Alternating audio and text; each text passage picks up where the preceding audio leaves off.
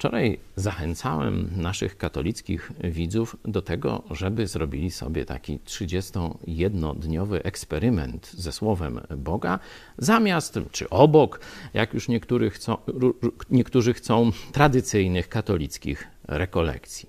A dzisiaj chciałem zająć się pytaniem, dlaczego katolicy nie sięgają do Biblii.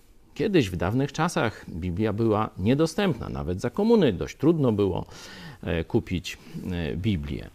E, to wtedy było zrozumiałe. Teraz Biblia jest dostępna, jeśli jeszcze nie masz, no to taki egzemplarz możemy ci wysłać, płacisz tylko za koszty wysyłki, bo ktoś inny zapłacił za koszt druku, taka organizacja Gedeonitów.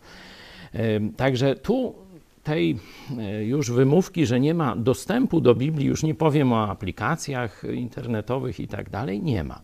Dlaczego jednak spora część katolików nie sięga do Biblii? Ja myślę, że się boicie. No i teraz, no jak to, czego się boicie? Czasu nie mamy, tam, nie. Boicie się, że to, co przeczytacie, w jakiś sposób wstrząśnie podstawami waszej wiary.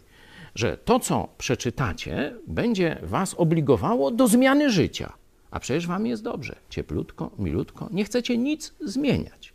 Inaczej mówiąc, stosujecie metodę e, no, strusia, chowania głowy w piasek. Chciałem wam tylko przypomnieć, przed kim chowacie głowę?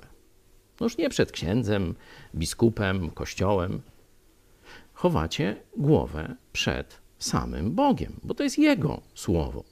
W liście do Rzymian w dziesiątym rozdziale Paweł mówi: Wiara, ta, która zbawia, jest ze słuchania, a słuchanie przez słowo Chrystusa.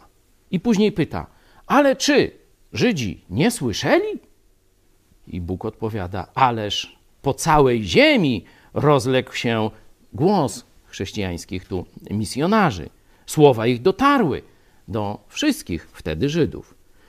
Ale Żydzi nie chcieli. Dzisiaj jest to samo. Głos się rozlega. Słowo Boże dostępne.